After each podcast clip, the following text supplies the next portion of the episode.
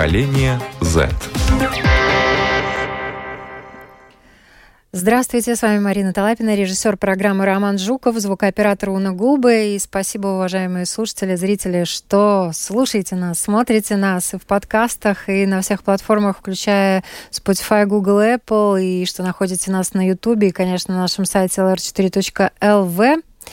И э, сегодня мы будем говорить о том, э, что на самом деле из себя представляет финансовая грамотность нашего населения. Больше ста школьников из стран Балтии стали экспертами в вопросах финансовой грамотности, и теперь они не только готовы применять свои знания, но еще и обучать э, этому своих сверстников, чему мы очень рады, наверное, они могут обучить и старшее поколение.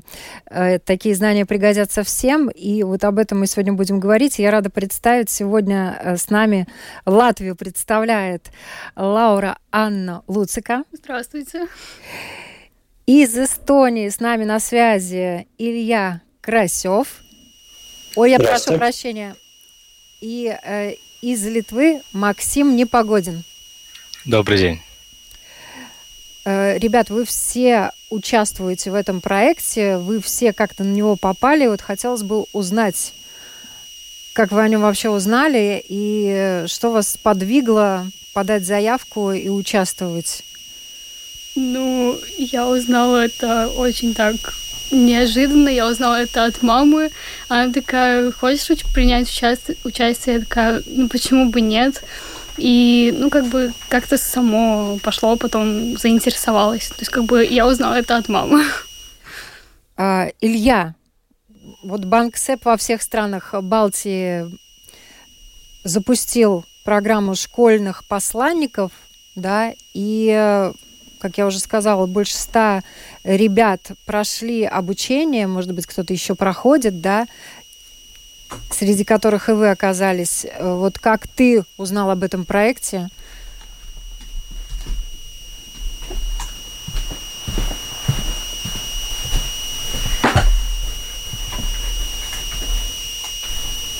К сожалению, не слышно у нас Ильи. Так. Ну, я э, надеюсь, что Максим пока заполнит паузу, пока мы разбираемся со звуком. Максим, э, может быть... Я, да, я, я узнал об этой программе, в, по-моему, в Инстаграме, если не ошибаюсь, была реклама, или в Фейсбуке, точно сейчас не помню. А потом на той же неделе мне про это сказала учительница по экономике, и я как-то подумал и решил принять участие, потому что почему бы и нет. Слушай, просто, ну, в принципе, от взрослых людей вы узнали об этом, правильно я понимаю? Может быть, у Ильи какая-то другая история? Он э, сам где-то это тоже увидел. Илья, попробуем звук. Есть? Да, меня слышно? Ура, да, тебя слышно.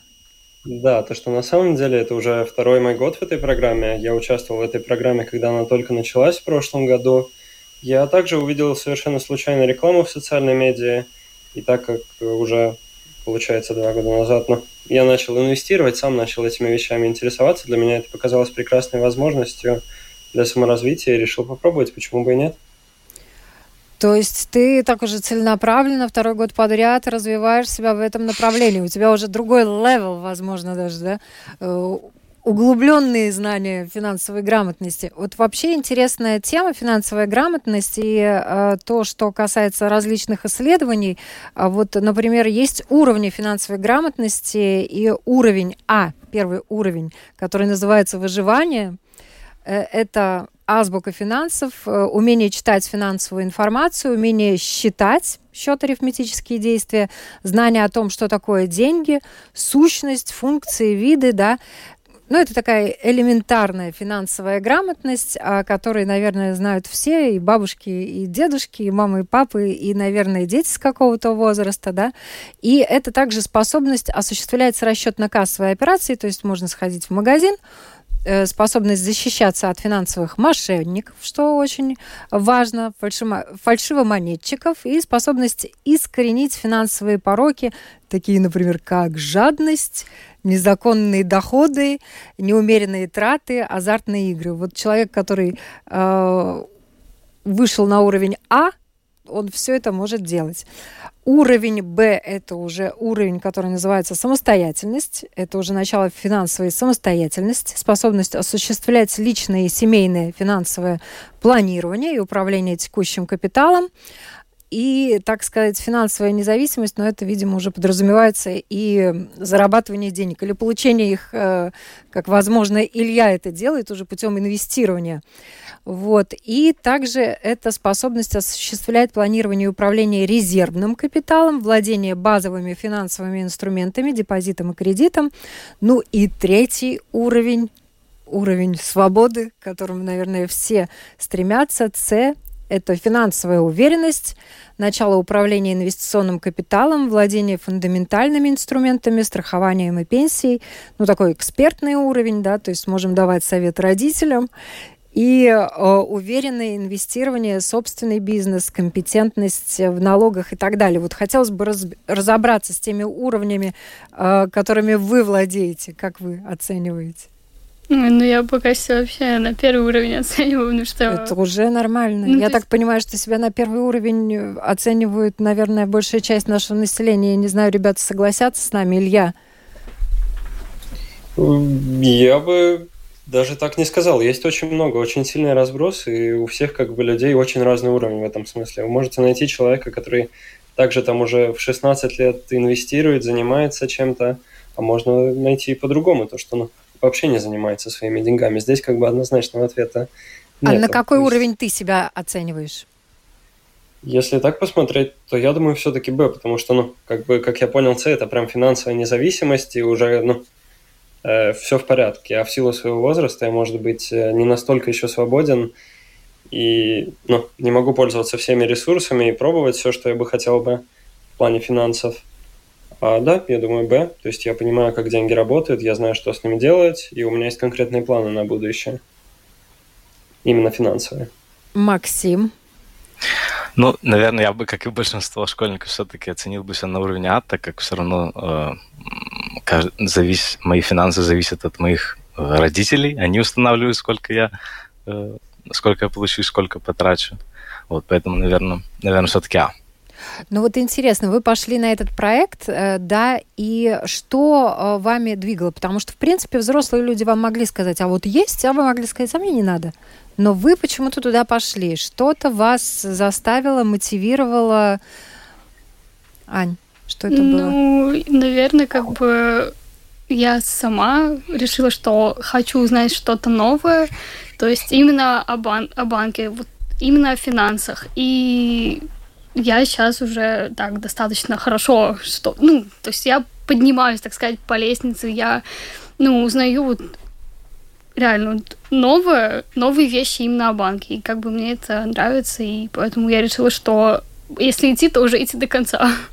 Но это направление, которое, может быть, ты хотела бы выбрать и как профессию, или все-таки это просто общий уровень развития ты хочешь свой повысить? Это, скорее всего, да, общий уровень развития, потому что профессию, скорее всего, буду выбирать не связанную никак просто с банком, ну, с, вот именно с такими вещами. Ребят, что вас мотивировало? Меня, наверное, больше всего как-то заинтересовало то, что э, с нами будут общаться эксперты как раз-таки из тех областей, о которых нам будут рассказывать, потому что банк это большая э, компания, в которой работает ну, очень много э, экспертов из разных областей. Вот это вот больше всего меня заинтересовало. И ты да, не разочаровался?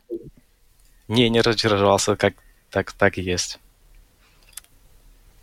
Илья? Да, для меня это тоже как бы возможность очень разностороннего э, развития, и как для себя я вижу это как э, что-то, с чем я хотел бы связать свою жизнь в будущем, потому что в прошлом году для меня как бы показали, как это все работает, то есть это было такое видение, и в этом году я прохожу эту программу, можно сказать, более осознанно, и я действительно планирую связать с этим свое будущее.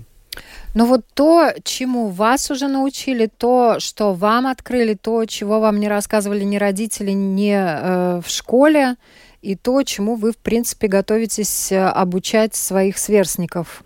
Максим, вот какие интересные вещи для тебя в финансовом мире открылись?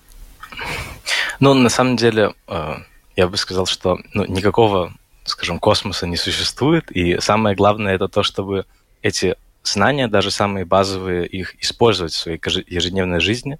И я начал этим заниматься как раз-таки, и уже вижу, скажем, какие-то изменения, потому что я начал замечать, скажем, какие-то свои плохие привычки, и начал замечать, куда деньги уходят, и делаю шаги к тому, чтобы тоже оптимизировать свои финансы. Ага, то есть ты начал уже более продуманно регулировать свои финансовые потоки. Да, начал составлять бюджет и, и, и, и смотреть, куда эти деньги уходят. Интересно. Куда же эти деньги уходят? А на что вот ты тратишь деньги? Ну, на самом деле, конечно, много, большинство, большая часть уходит, конечно же, на еду в школе, потому что кушать надо. Э, вот. Потом э, немаленькая часть уходит на какое-то развлечение и свободное время, э, потому что идешь с друзьями куда-то, там, можешь в кино или куда-то в другие места развлечения пойти. Вот. На, также уходит и на, например, компьютерные игры тоже немаленькая часть, но вот основные, наверное. Но ну, основные места, куда уходят деньги. У тебя за эти три месяца как-то рас, расходы э, уменьшились? Да, я начал э, разделять свой бюджет вот по категориям и начал смотреть, чтобы э, я не тратил слишком много на ненужные вещи, то есть на, скажем, на э, на предметы, которые должны мне приносить удов- просто удовольствие. Я начал просто следить, и просто, э, когда я что-то хочу, я начинаю вспоминать о том, сколько я потратил в этом месяце, и тогда принимаю решение. Если я могу себе позволить, то я тогда покупаю. Если нет, то тогда пытаюсь воздержаться. То есть не, не влезаешь в долги к родителям, в кабалу, не берешь кредит в банке, да, а просто ждешь следующего месяца.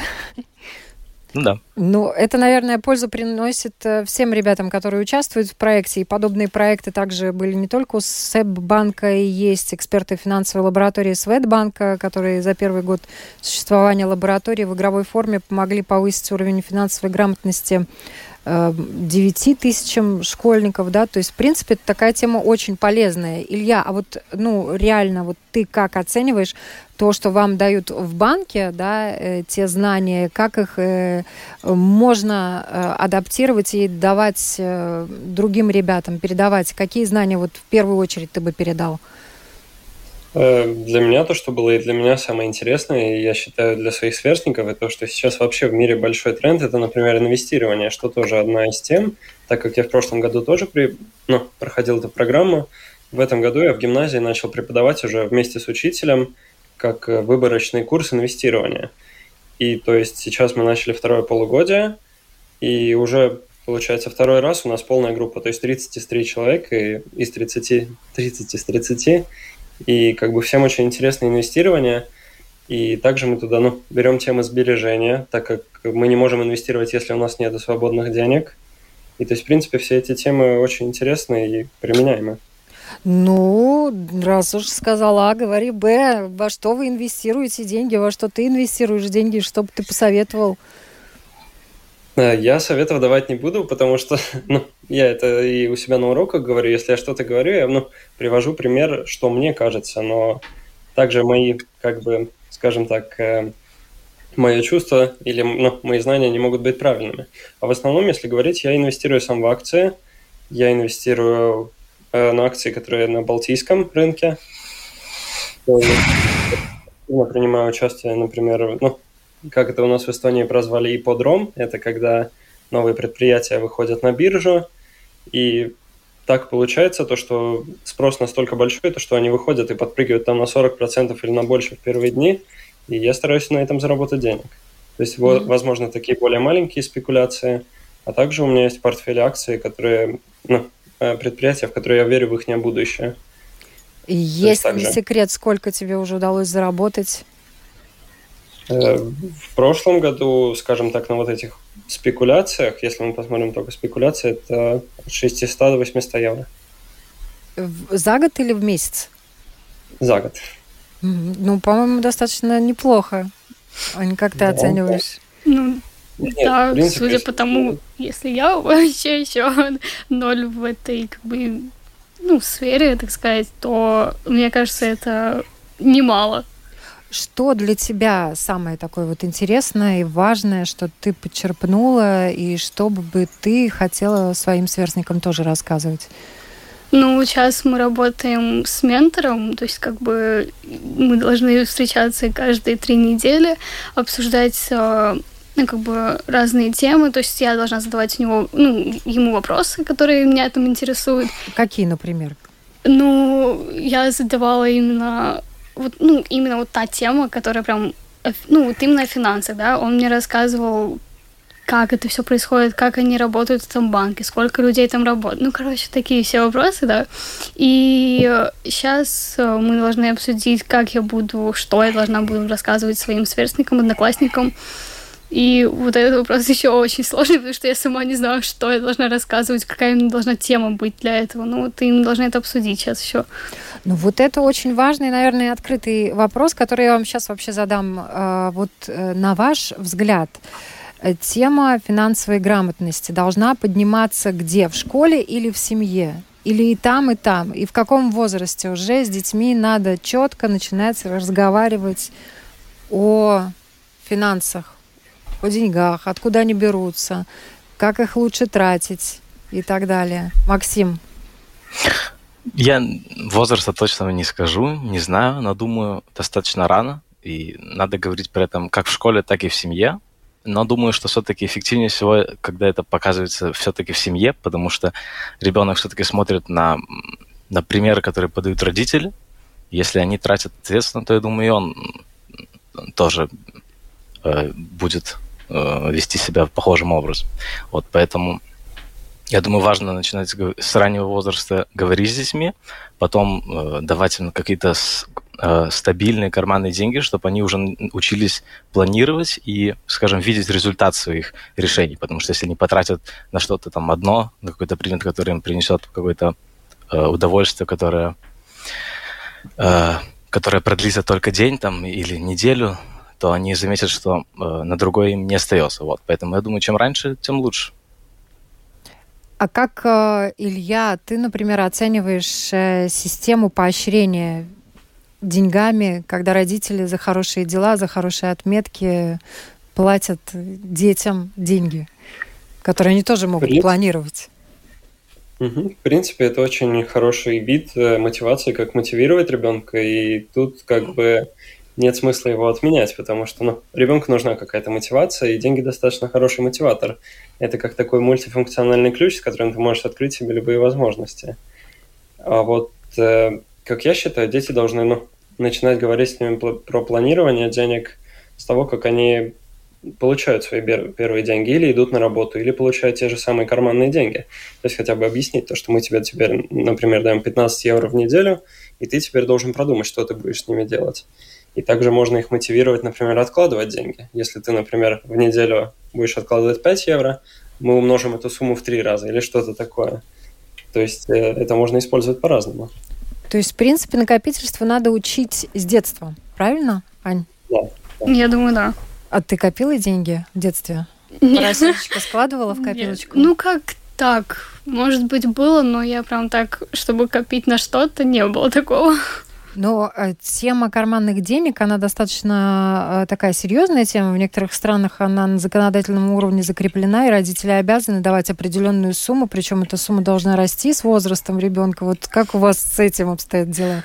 Да? Про деньги говорим, про деньги узнаем, а деньги вам дают не только на обеды, в принципе, дают, да.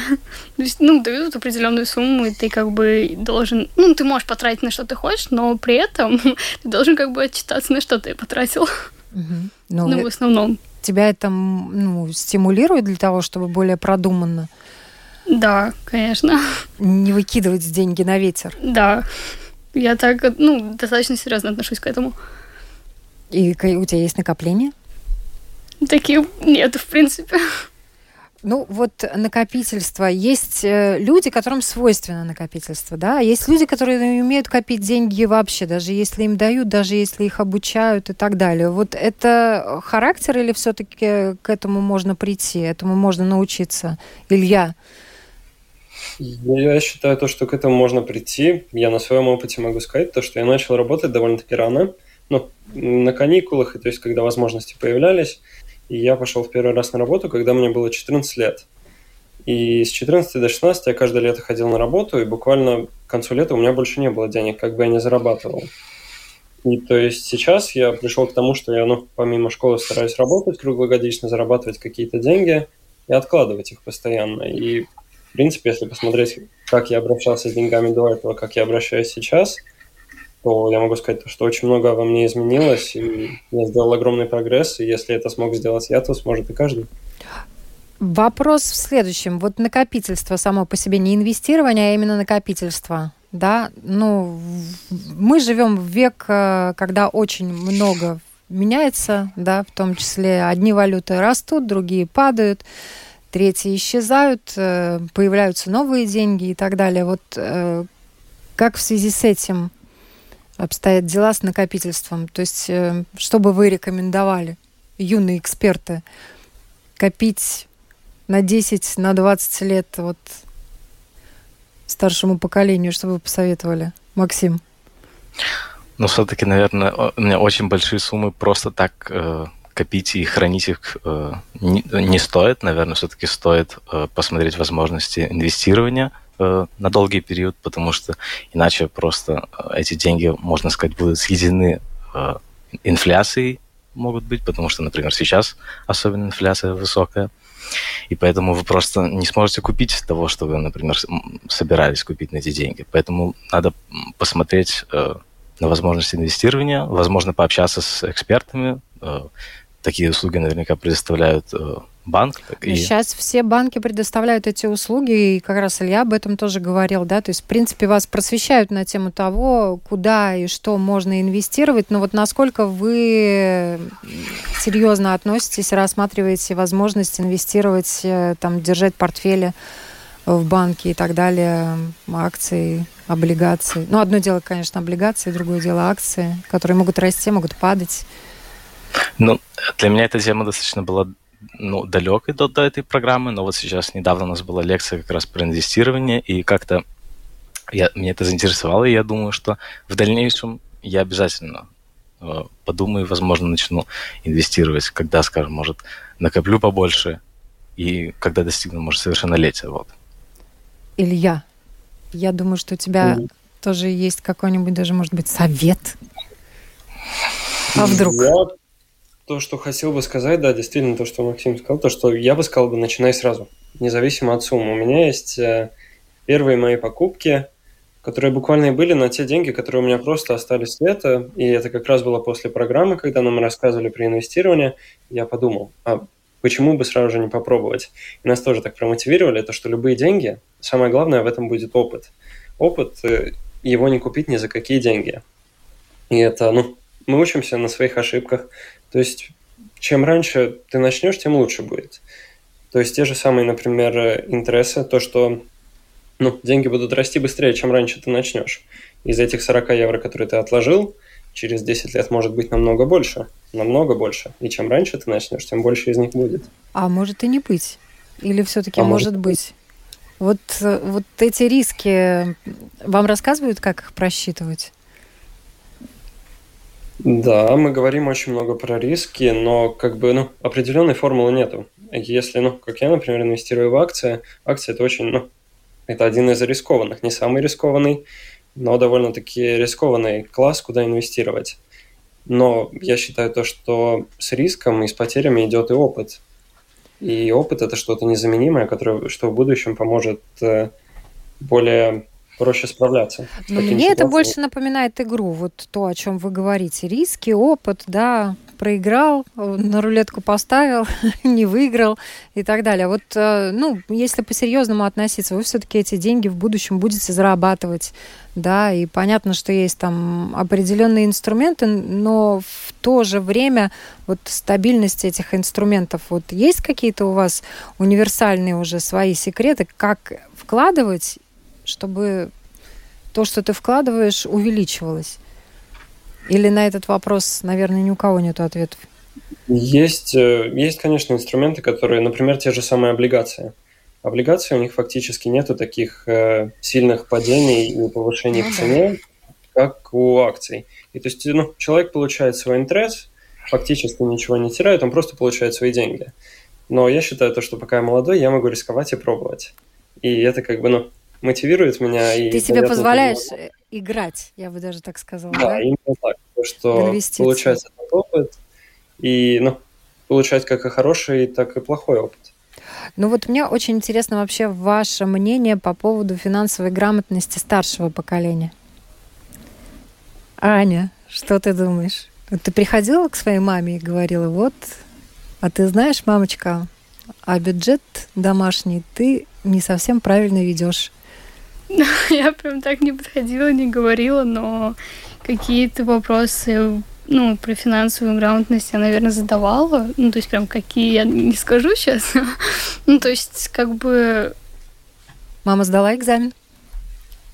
Ну, в принципе, да. Но, ну, как бы, то есть я так именно на такую тему прям не углублялась. Ну, то есть, да. Да.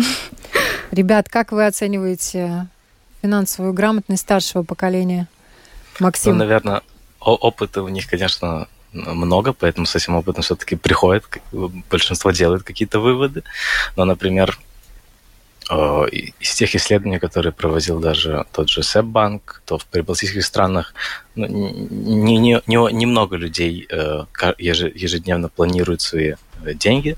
По-моему, если я не ошибаюсь, только один из шести человек ежедневно знает, сколько у него есть денег и на что он будет их тратить. Вот, поэтому в этой, в этой сфере у нас точно еще есть куда расти.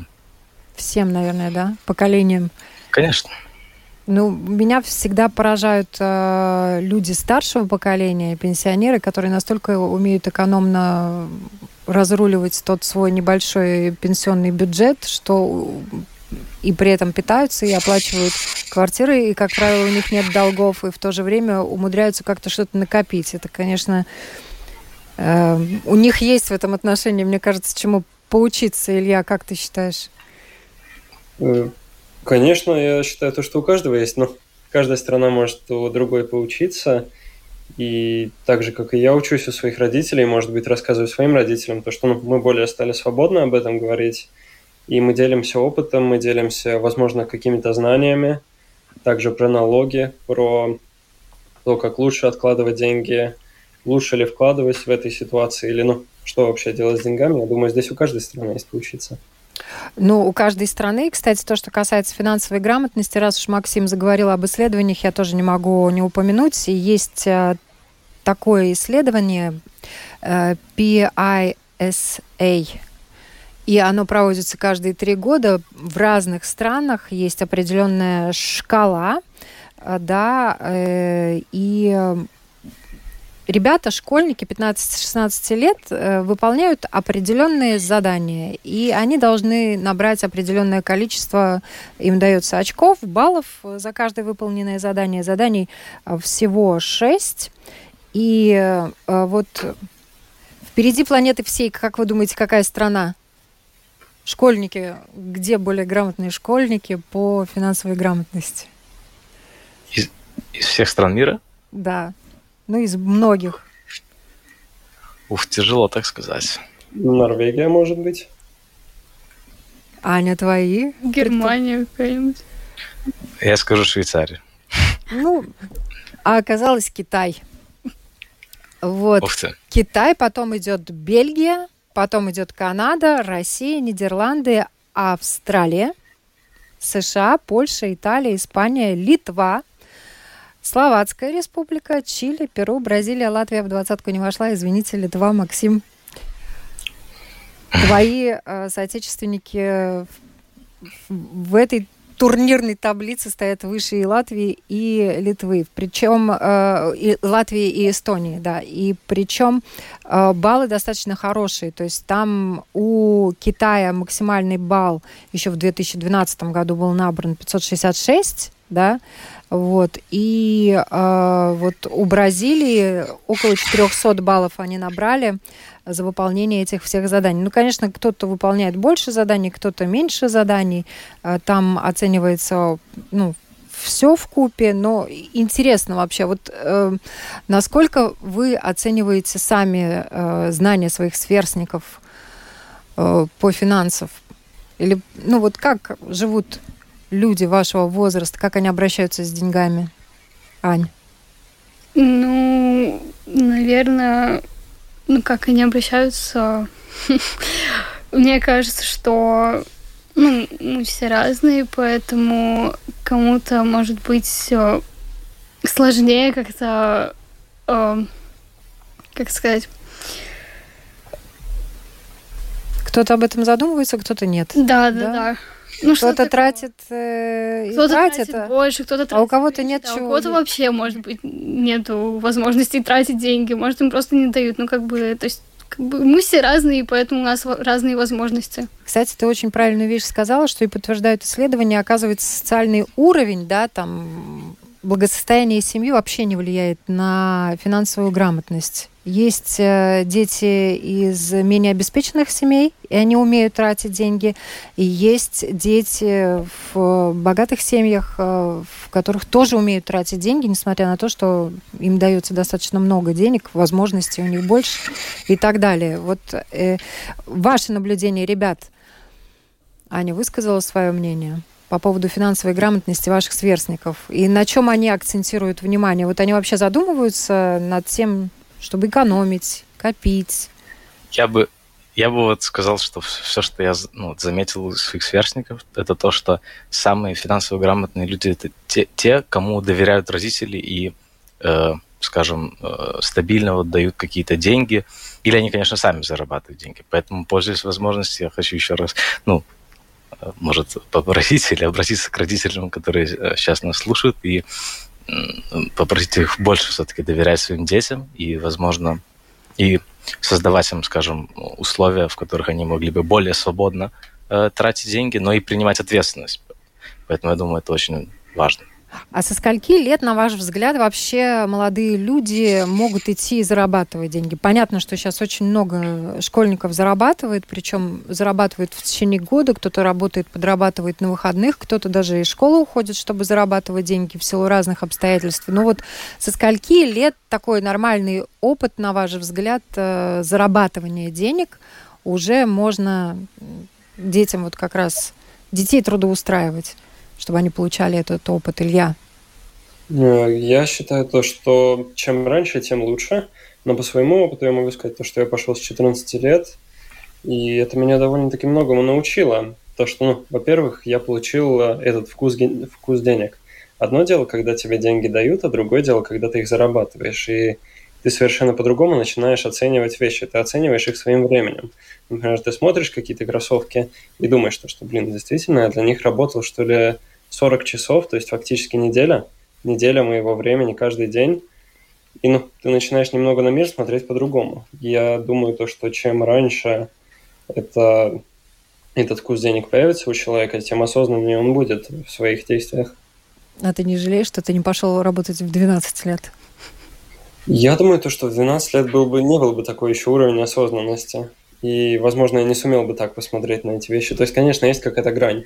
Я бы сказал бы, да, с 14 с 13 лет это было бы самое то. А кем ты работал, если не секрет? Я работал упаковщиком. Упаковывал разные изделия. Угу. То есть, ну, такая фактически легкая работа, но первый опыт.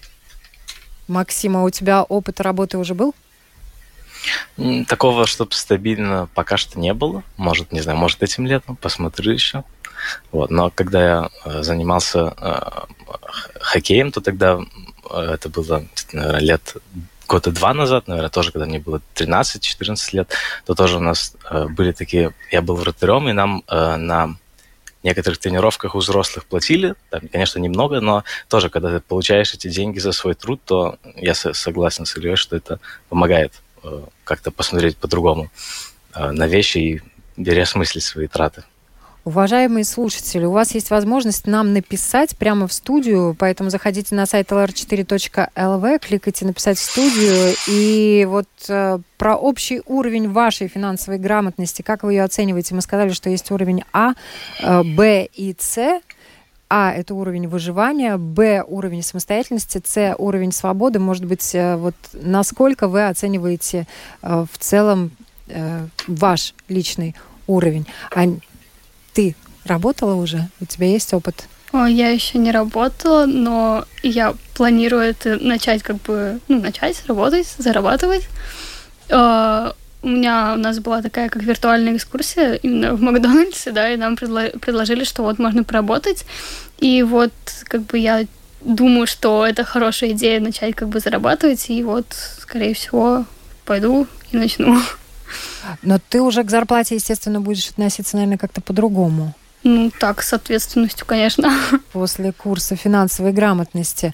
Но вот если копнуть еще глубже, ребят, э, я э, хотела бы у вас спросить, вот те деньги, которые вам дают, да, ваши родители, и когда тебе дают деньги, Илья абсолютно правильно сказал, одно дело тебе, когда дают, да, ты пошел и потратил, ты не задумываешься, откуда они берутся. Но вот есть какая-то ответственность к деньгам, которые тебе дают, тем более, что тебе надо все равно за них отчитываться, ты рассказывала, да? Да, конечно. Тут, ну, тут это абсолютно две разные вещи. То есть, когда тебе дают родители, и когда ты зарабатываешь сам. То есть, да, то, вот когда ты зарабатываешь сам, ты уже как бы понимаешь, что что ты заработал, и как бы даже иногда, может быть, ну, жалко на что-то такое потратить, хотя на, на то, что ты хочешь, да.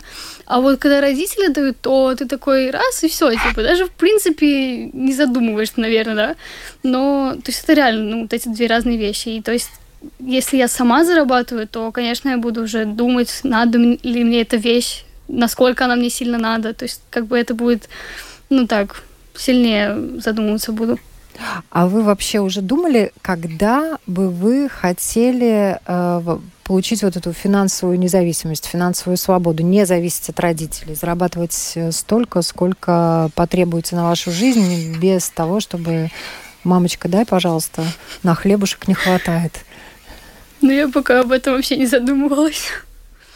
Максим, может быть, я, у тебя есть мысли? Да, я думаю, ну, чем раньше, но, конечно, в условиях школы это достаточно тяжело сделать все-таки, потому что ну, время, оно не, не бесконечно. Поэтому я думаю, что, возможно, после окончания школы, вот тогда, в принципе, чем раньше, думаю, тем лучше. Но если ты пойдешь учиться, тебе надо будет достаточно много отдавать учебе все еще, да? Ну, тоже верно. То есть это надо смотреть, конечно, по, по ситуации, по возможности. Тяжело так сказать все-таки, в каком возрасте это уже получится сделать. Слушайте, ну вы наверняка же э, знаете, вот Ирина спрашивает, вы знаете отличие дебетной и кредитной банковской карты? Конечно. Ну, это, в принципе, такие знания нам, конечно, ну, даже в, в, в рамках этого курса особо, наверное, не рассказывали, как я помню. Это, это я, например, знаю э, из общения в семье. Вот такие знания, я думаю, очень важно, чтобы в семье рассказывали. И то, так можно точно выучить очень много. А я хочу вернуться. Вот что бы, на ваш взгляд, э, надо давать детям в школе уже? А и какие, какие знания в школе давать? Да. Ну, наверное, э, большинство, большая часть всех знаний, которые нам сейчас дают в школе, они, в принципе, нужны, э, я думаю. Э, в основном важно дать такое достаточно широкое, хоть и поверхностное, но широкое понимание того, какие разные вообще финансовые процессы происходят в мире. Ну, даже такие банальные, как инфляция и так далее, чтобы пони- понимать то, что, скажем, 10 э, евро завтра могут э, купить намного меньше, чем сейчас. Вот, чтобы они в общем понимали, чтобы дети понимали, э, что происходит и почему происходит именно так. И тогда они смогут уже и свое поведение как-то изменять, чтобы э, лучше тратить свои деньги. У нас однажды в программе «Поколение Z» ребята подняли вопрос, что, к сожалению, в школе даже не рассказывают, как пойти в банк и открыть счет. Да, я, я думаю, я с ним согласился. Надо больше все-таки рассказывать таких более каких-то мелких и практических вещей. Я думаю, это, это очень хороший э, такой совет например, еще не знаю, э, там, как, э, как заплатить налоги или за коммунальные службы. Конечно, это понятно, это не так тяжело выяснить, если умеешь э, учиться и искать информацию. Можешь спросить у семьи и так далее. Но я думаю все-таки, что такие вот практические знания очень даже бы не помешали в школе. Они подготовили к взрослой самостоятельной жизни тоже. Вы уже, Максим, ты осуществляешь в интернете покупки в онлайн? Э, да, да. Магазин. Да, в принципе. Да, да то есть могу... ты владеешь этим инструментом, Ань? Ты, наверное, тоже, да? Тоже, да. Да. А вот, э, ну, те риски, с которыми вы сталкиваетесь, если покупка не приходит, как вы решаете вопросы, если такие ситуации были? Или тут папа, мама приходят на помощь, Максим? У меня таких, наверное, ситуаций сейчас не могу вспомнить. Надо, в первую очередь, нужно, конечно, смотреть, у кого, ну, у какого магазина и так далее вы это покупаете. Я думаю, если выбирать, скажем, магазины, которые, которым есть доверие, то такого и не случится. Но если что-то случается, если это все-таки не обман, то тогда нужно э, обращаться в службу поддержки и так далее. Ну, в принципе, для вас это несложно, правильно я понимаю? Нет, я думаю, что на, наше поколение уже в интернете достаточно неплохо разбирается, и как-то с этим я не... С, а с, вот, в а этой сфере у меня проблем не было. У тебя нет, а вот у Ани? Ну, у меня так, как бы 50 на 50. Бывают какие-то сложности, бывают, ну, бывает, что какой-нибудь платеж просто не прошел, я такая, а что делать? Вот, ну, тогда я просто... Кому ты бежишь на помощь? Или Гуглу? Ну, сперва самый такой надежный, типа, кому я могу обратиться, это, конечно же, родители. То есть, в принципе, они такие более продвинутые в этом деле, и поэтому я такая, если что-то не получается, то иду к маме. Она такая, не, не бойся, разберемся. Ну, то есть, как бы, да, первая помощь это от мамы идет. Ну, группа поддержки, когда есть, это тоже здорово, да. Но да. И то, что касается мошенничества, о том, о чем мы говорили, на самом деле это первый уровень, да, разбираться, где покупать, что покупать. Вы думаете вот насчет этого, Максим? Где ты покупаешь? Да. Ты сканируешь или ты там выбрал э, какую-то вещь, смотришь, где она самая дешевая, и вперед нажимаешь кнопку? Не обязательно смотрю какие-то отзывы. Это самое, наверное, такое базовое, это загуглить, собственно, посмотреть, какие есть отзывы. Если вообще отзывов нет, то это уже первый звоночек, скажем так. Вот, поэтому в интернете, интернет, скажем так, хоть и может представлять и опасность, но одновременно интернет дает много ответов, поэтому если, если иметь в этом деле опыт, то, думаю, больших проблем не должно быть. Ну, отзывы, тема такая, тоже их можно, как говорится, накрутить, э, да? Ну да, да.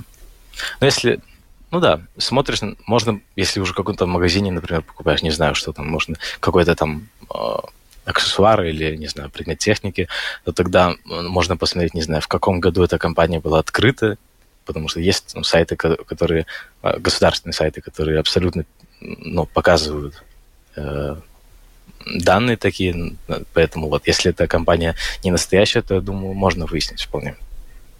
Ну, Аня, у тебя? Вот ты смотришь, ты что-то нашла, хочешь, покупаешь?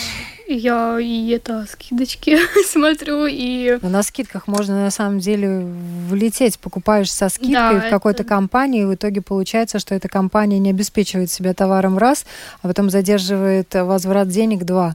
Да, вот поэтому, как бы, в принципе, интернет-магазин я не так доверяю. То есть, как бы, пришел в обычный магазин такой, ну, посмотрел, скидка есть, такой, ну, ладно, хорошо, все, берем. А в интернете, да, вот там вот это мошенничество, это, конечно, большой такой минус. То есть, типа, в принципе, ты доверять этим магазинам, ну, страшно. Тот же Алиэкспресс, который все просто знают, там вот как раз и приходят. Один раз заказали такую для, ну, выпечки такие, как фигурки, короче. А мы забыли, видимо, этот указать размер, и нам пришли чисто вот такие 5 на 5 сантиметров. Ну, 5 на 5, все. И мы такие, что это? Ну и, короче, мы... Ну, да, мы сейчас все уже отслеживаем, чтобы все прошло как надо. Но дорогие покупки, вот где бы вы рекомендовали старшему поколению делать именно большие такие, которые стоят внушительные? Четырехзначные суммы, ну, трехзначные.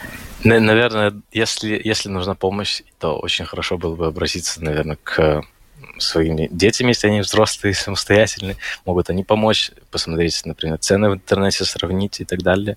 Но если все-таки, наверное, лучше не рисковать, если нет уверенности в, в том, что э, покупка будет безопасной.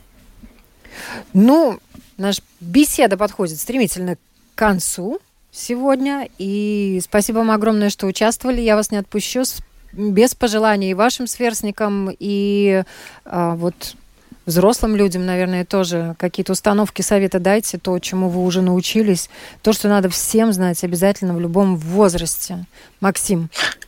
Да, я думаю, что быть любопытным, во-первых, и во-вторых, э, инвестировать в свой какой-то опыт разнообразный, то есть который будет и приносить удовольствие, но и, и приносить пользу. Я думаю, вот эти два совета помогут улучшить жизнь.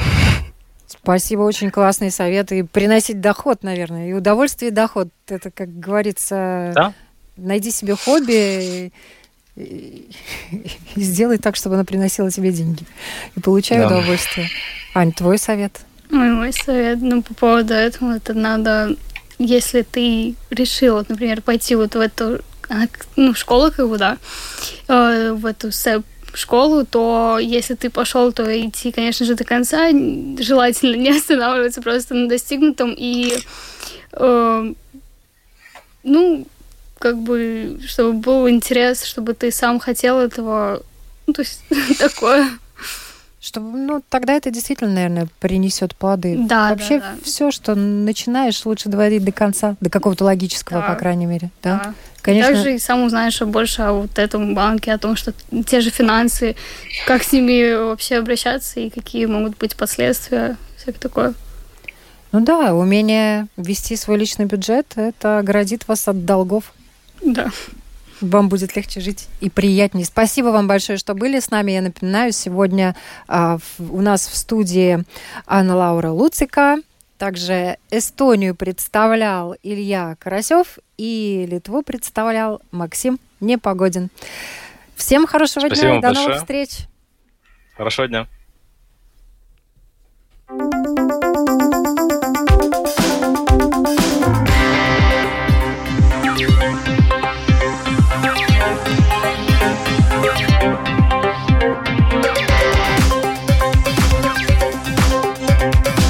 Поколение Z.